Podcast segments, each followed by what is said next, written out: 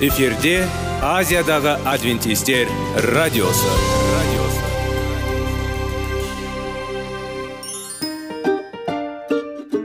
сәлем достар. Денсаулық өмір бұлағы және біздің бірінші байлығымыз демекші денсаулық сағаты рубрикасына қош келдіңіздер. Біздің рубрикада біз әртүрлі факторларменен мәліметтерменен кеңестерменен бөлісіп шын жүректен сіздердің дендеріңіз сау болғанын қалаймыз. Сол үшін біздің рубрикаға қош келдіңіздер. Дайындалып тұрыңыздар. Өйткені келесі минуттарда қызықты фактілерге ие боласыздар. Енді достар ең бірінші байлығымызды қолымызға алып алға кеттік.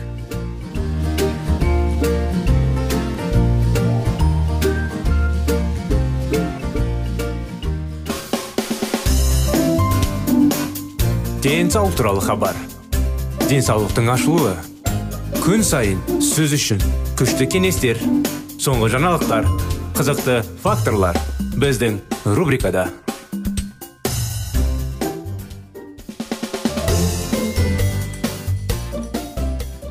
достар денсаулық сағат бағдарламасына қош келдіңіздер. Армысыздар ассалаумағалейкум құрметті тыңдаушыларымыз.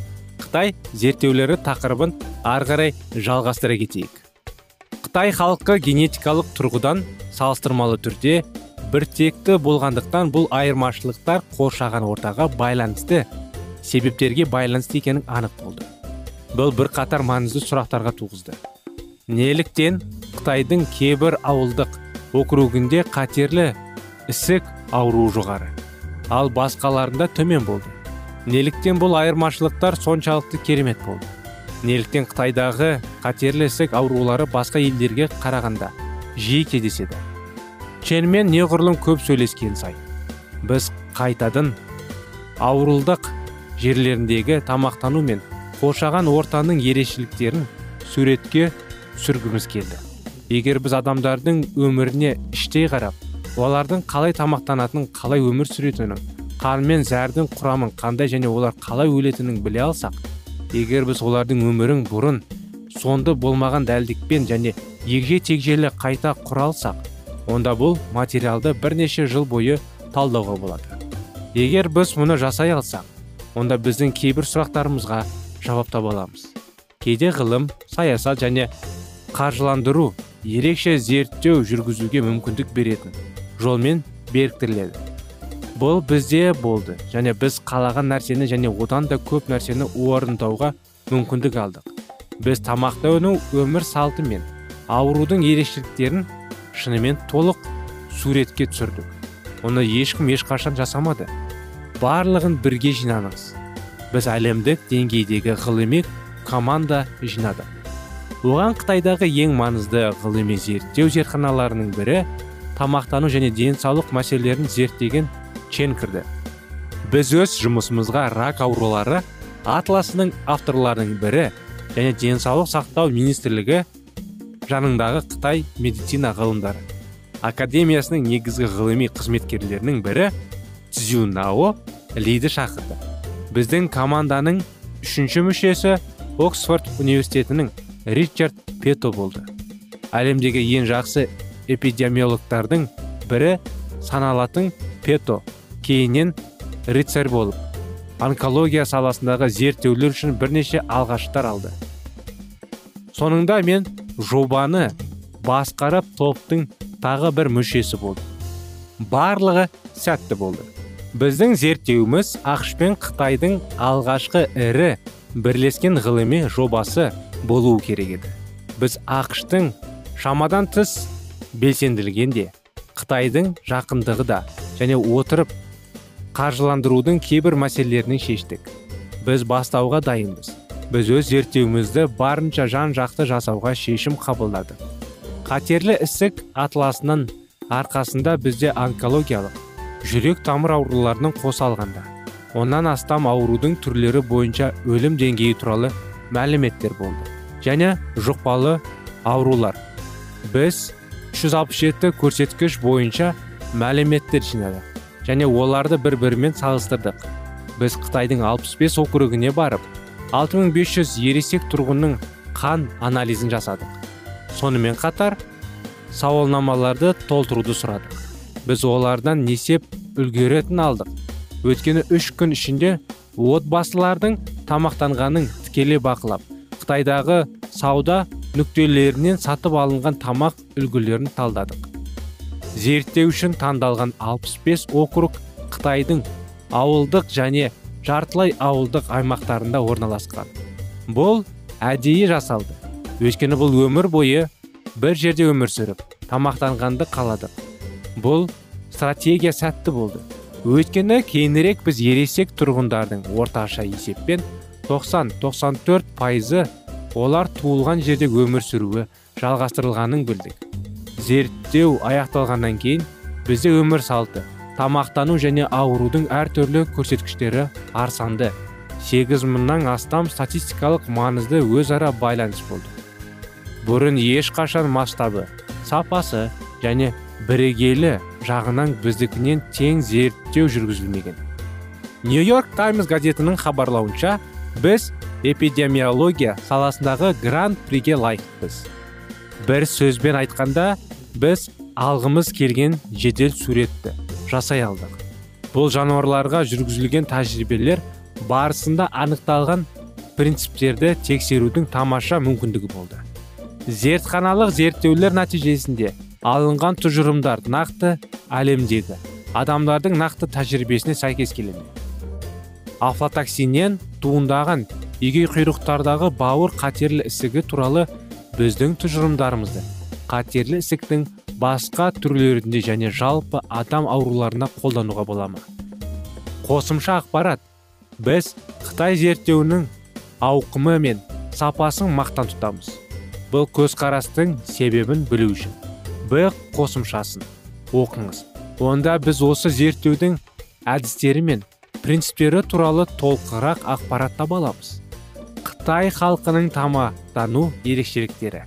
Қытайлық зерттеу мақсаттары үшін қытайдан ауыл тұрғындарының тамақтануын анықтау өте маңызды болды.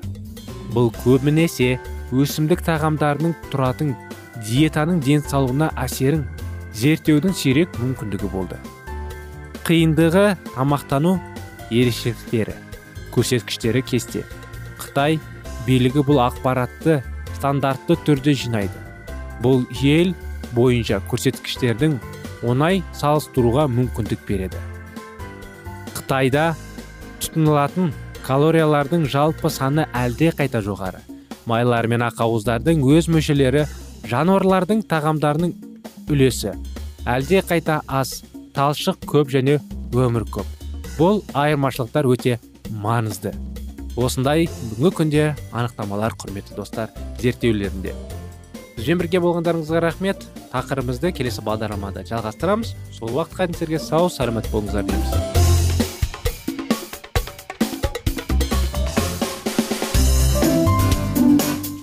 Денсаулық туралы хабар.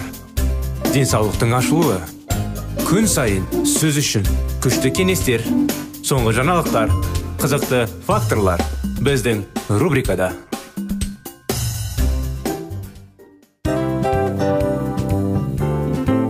Әуелі байлық денсаулық екінші байлық он саулық үшінші байлық ақ жаулық ал енді осындай радио парақшадан кейін не дейміз?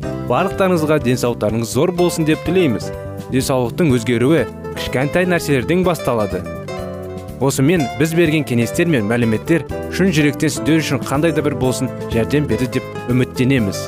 Тыңдаушыларымызбен келесі радио парақшасына дейін қоштассамыз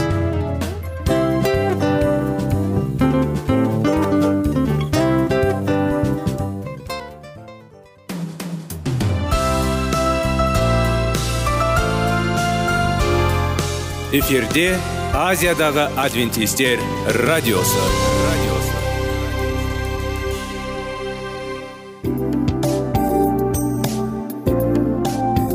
Сәлем достар.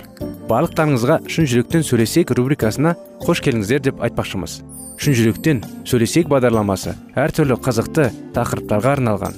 Шындығында шын жүректен сөйлесек деген сөздің мағынасы екі достың екі адамның ортасындағы шын жүрекпен сөйлесуі бір біріне сенуі ашықтық пен шындықты білдіреді. Сол үшін біздің бағдарламалар әртүрлі қызықты тақырыптарға арналған. Дайындалыңыз жаңа қызықты мәліметтерге ие болуға. Ондай болса кеттік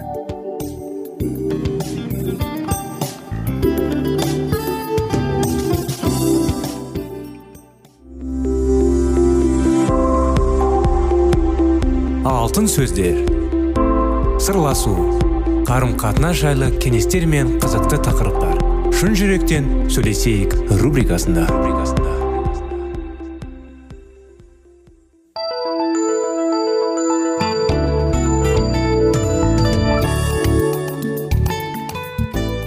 Армысыздар ассалаумағалейкум құрметті достар құрметті радио тыңдаушыларымыз сіздермен бірге шын жүректен сөйлесейік бағдарламамыз. Қош келдіңіздер. Сіздер назарларыңызға керемет 25 неке оқиғасы жайлы оқиғаларды жалғастырудамыз. Келі кітап бізге былай дейді. Біздер мәсіхтің өкілдеріміз.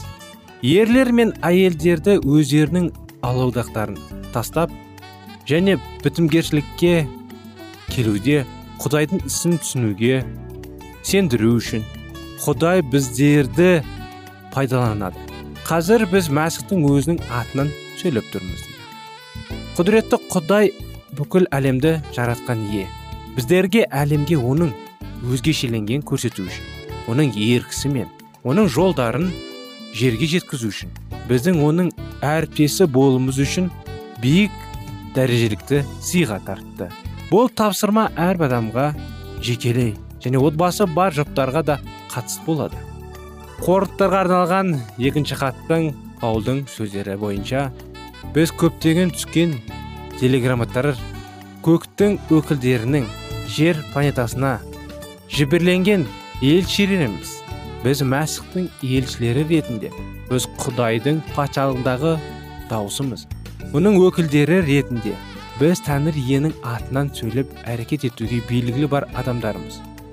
Құдай тағаланың елшілері ретінде біз толықтай қолдауға толықтай қаржыландыруға қорғанысқа және биліктегі бүтіндей көмегіне және жұмшақтың ресурстарына ие боламыз. Сіздер ерлі зайыптылар жұбы ретінде осы әлемге құдайдың іс әрекетін көрсете аласыз. Ол сенбейтін адамдарды өзіне қайтып оралуын өтініп отыр. Сіз арқылы уағыз береді. Сіз рухани жағынан қараңғыда қаншалықты тартымдысыз. Егер сізде құдайдың танымайтын отбасы болсаңыз және тура сіздің отбасыңыз сияқты ерлі зайыптылар жұбын кездестіретін болсаңыз олардың өзара қатынастарындағы не нәрсе сізді оған жақындататын еді?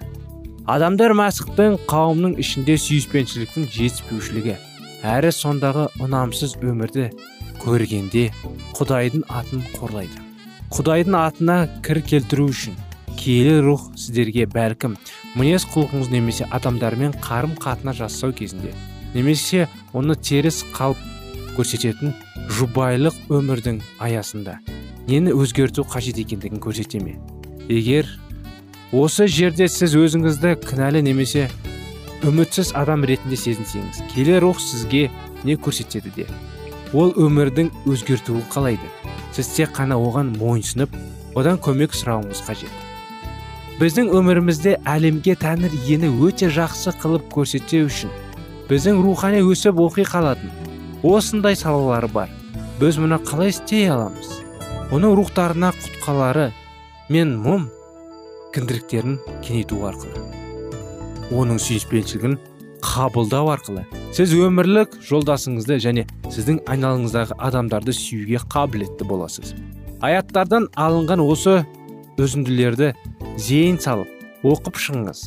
Және құдайдың сүйіспеншілігін қалай алу қажет екендігін және осы жолда қалай рухани жағынан өсу қажет екендігін жөнінде келі рухтың ашып бергенін жазып алыңыз. Құдай сүйіспеншілік. Сол себептен кім оның сүйіспеншілігіне сай әрекет ете берсе ол құдаймен құдай да онымен тығыз қатынаста тұрады. Мәсіхтің осы дүниеде қалай сүргендеме өмір сүрсек онда құдайдың сүйіспеншілігін бойымызда әбден толысып мақсатына жетті. Мінекей жаңа жүрек. Өмірдерін жаңа жүрек сыйлап бойларына жаңа рух тарттың көкіректерінен тас жүректі алып тастап орнына сезімтал жүрек сыйлаймын.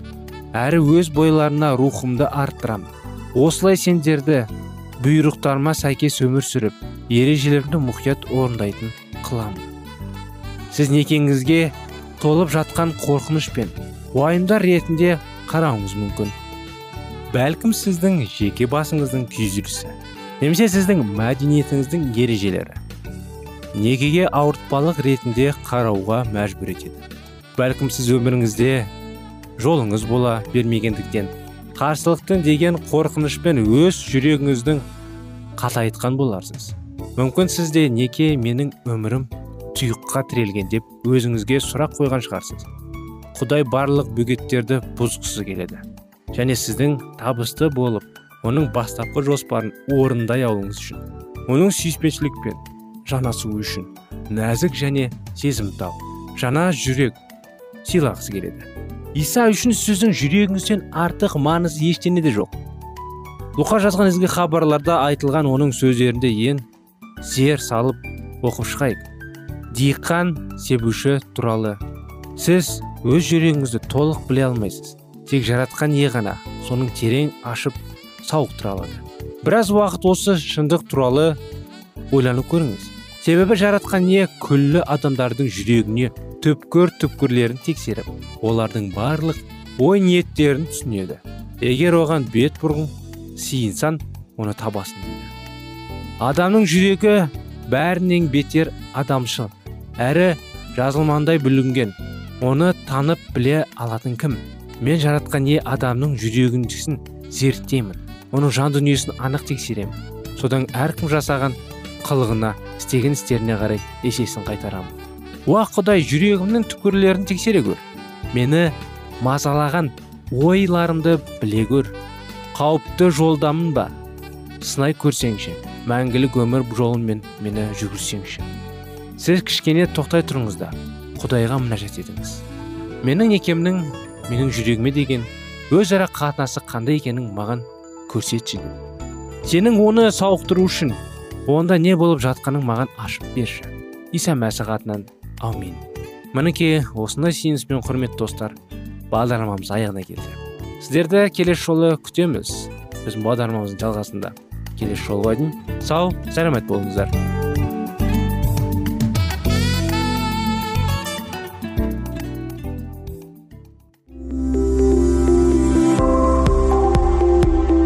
Алтын сөздер. Сырласу. Қарым қатынас жайлы кеңестер мен қызықты тақырыптар. Шын жүректен сөйлесейік рубрикасында.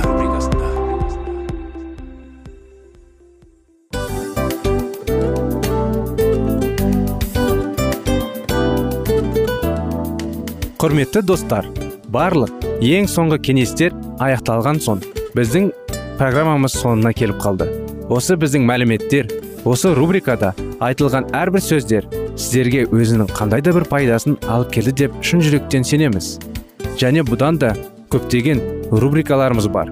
Басқа рубрикаларымызда біздің зерттеулерімізде сіздер үшін тағы да қызықты мәліметтер дайын.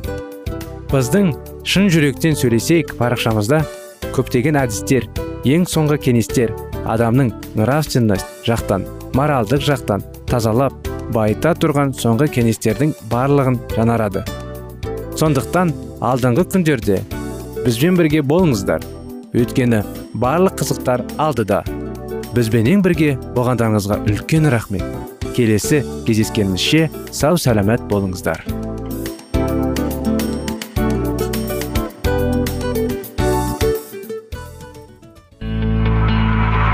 Жан дүниеңді байытқан жүрегіңді жаңғыртқан өмірдің мағынасын ойландырған рухани жаңғыру рубрикасы.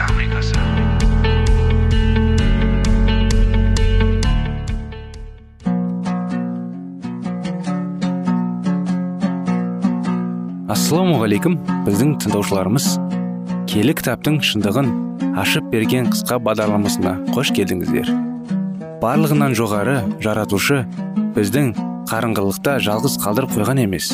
Өйткені ол келешекте не болу керек екенін киелі кітаптың парақтарында ашып береді.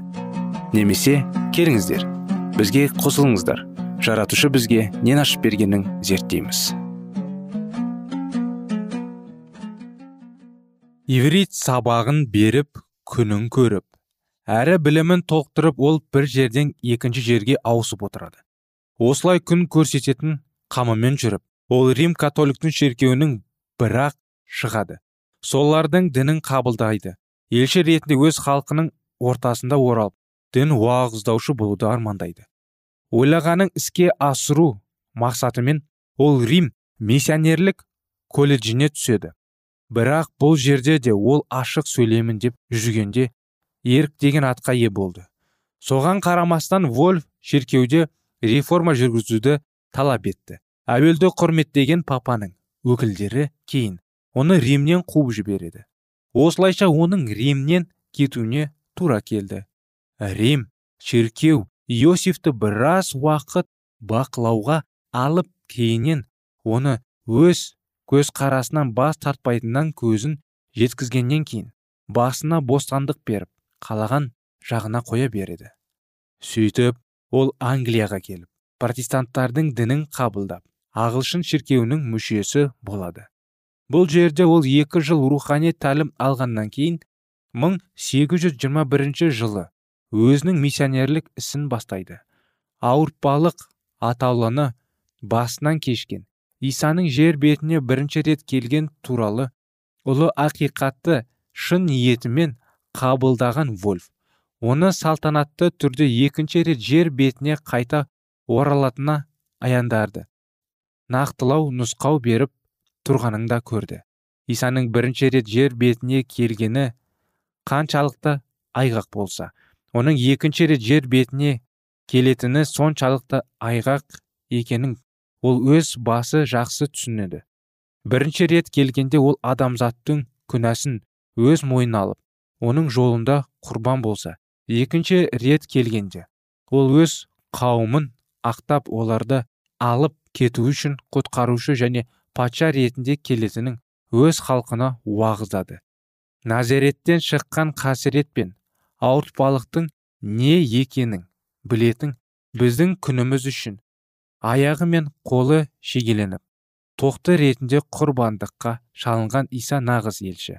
Ол яхуданың патша аяғы қолының алынып белінен билігі кеткен кезінде бірінші рет келген секілді. Бас періште хабарлап керней тартылғаннан кейін бұлттың үстінде тұрып екінші рет жер бетіне келеді және зайтын тауының үстіне тұрады. Содан бір кезде тіршілік атаулығы ие болуға адам атаның қолына берілген. Бірақ ол кейіннен жоғалтып алған билік мәсіх исаның қолына тапсырылады. Ол жер бетінің патшасы болады. Күрсіну мен жылау тоқтатылып барлық жерде қуаныш пен мадақтау жыры шырқайтын болады. Исаның құрбандығы қабылдап бұл өмірден өткендер бірінші оянады. Бірінші рет қайта тірілу дегеніміз осы. Сонда тек адамдар ғана емес жануарлар да өзгеретін болады. Және олар исаға бағынады жер бетіне бейбітшілік орнайды. Бұл тамашаны көріп алла өте жақсы дейді. Вольф құдайдың жер бетіне екінші рет келгеніне мінсіз сенді. Оның пайғамбарлық мезгілдер мен ақырының уақытында анықтаулы миллердің анықтаған уақытынан шамалы өзгешелеу болды. Басқалардың күні мен сағатын ешкім білмейді деп жазбадағы сөздерге нұсқалғаны яғни мінкелеріне түк кермей отырдамыз деген қалбына вольф.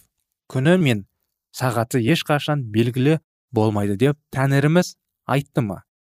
Інжір ағашының жапырақтарын жай ғана қарап жаздың жақын екенін сезінетіміз секілді. Оның келетін уақытының тақау екенін анықтайында замана белгілерін қалдырмақ па екен? Егер алла өзі даниял пайғамбарының кітабын оқып оны түсінетін болатындар деп бұйрық берсе қалайша біз дым білмей отырамыз? Даниялдың кітабында уақытты аяқталғанша ол өздері сөздер мөрлерініп тұрады дегенмен бұл жерде пайғамбарлардың уақыттары туралы айтылады. Сондай ақ көпшілік оны оқып білімдері кенеді делінген. Сонда тәңір адамдардың оның келетін мезгілін сезбей отыратындардың емес дәл күн мен дәл сағатын білмейтіндер ескертеді.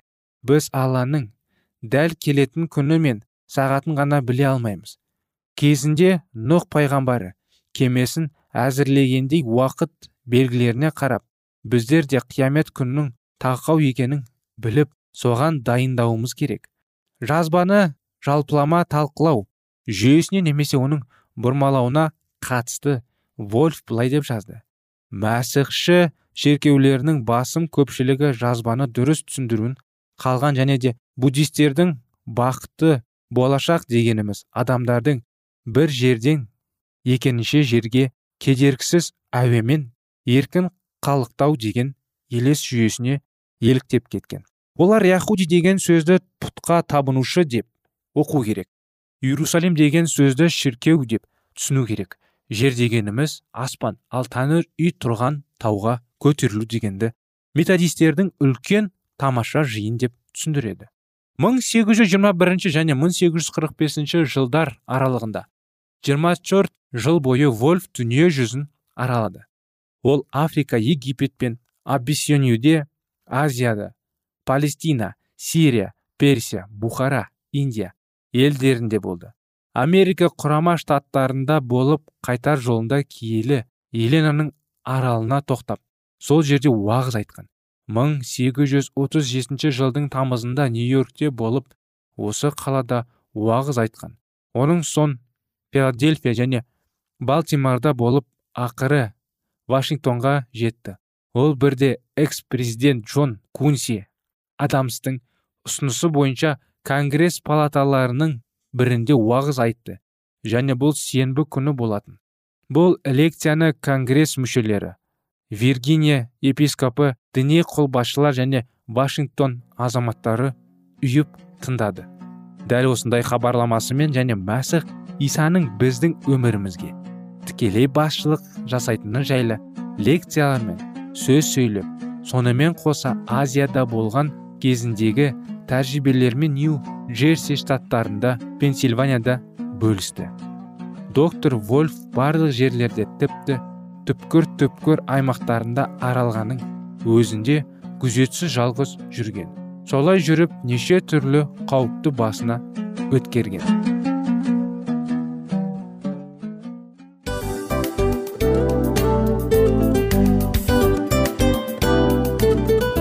Осымен достар программамыздың зерттеуіміздің ең қайғылы минутына жеттік. Қайғылы дегенде бағдарламамыз тез арада өтті де кетті. Соған көңіліміз деп тұр. Жарайды қайғыны қояйық. Бүгінгі 24 сағаттың алтындай жарты сағатын бізге бөліп арнағаныңыз үшін рахмет. Егер де өткен сфераларда пайдалы кеңес алған болсаңыз біз өзіміздің мақсатымызға жеткеніміз.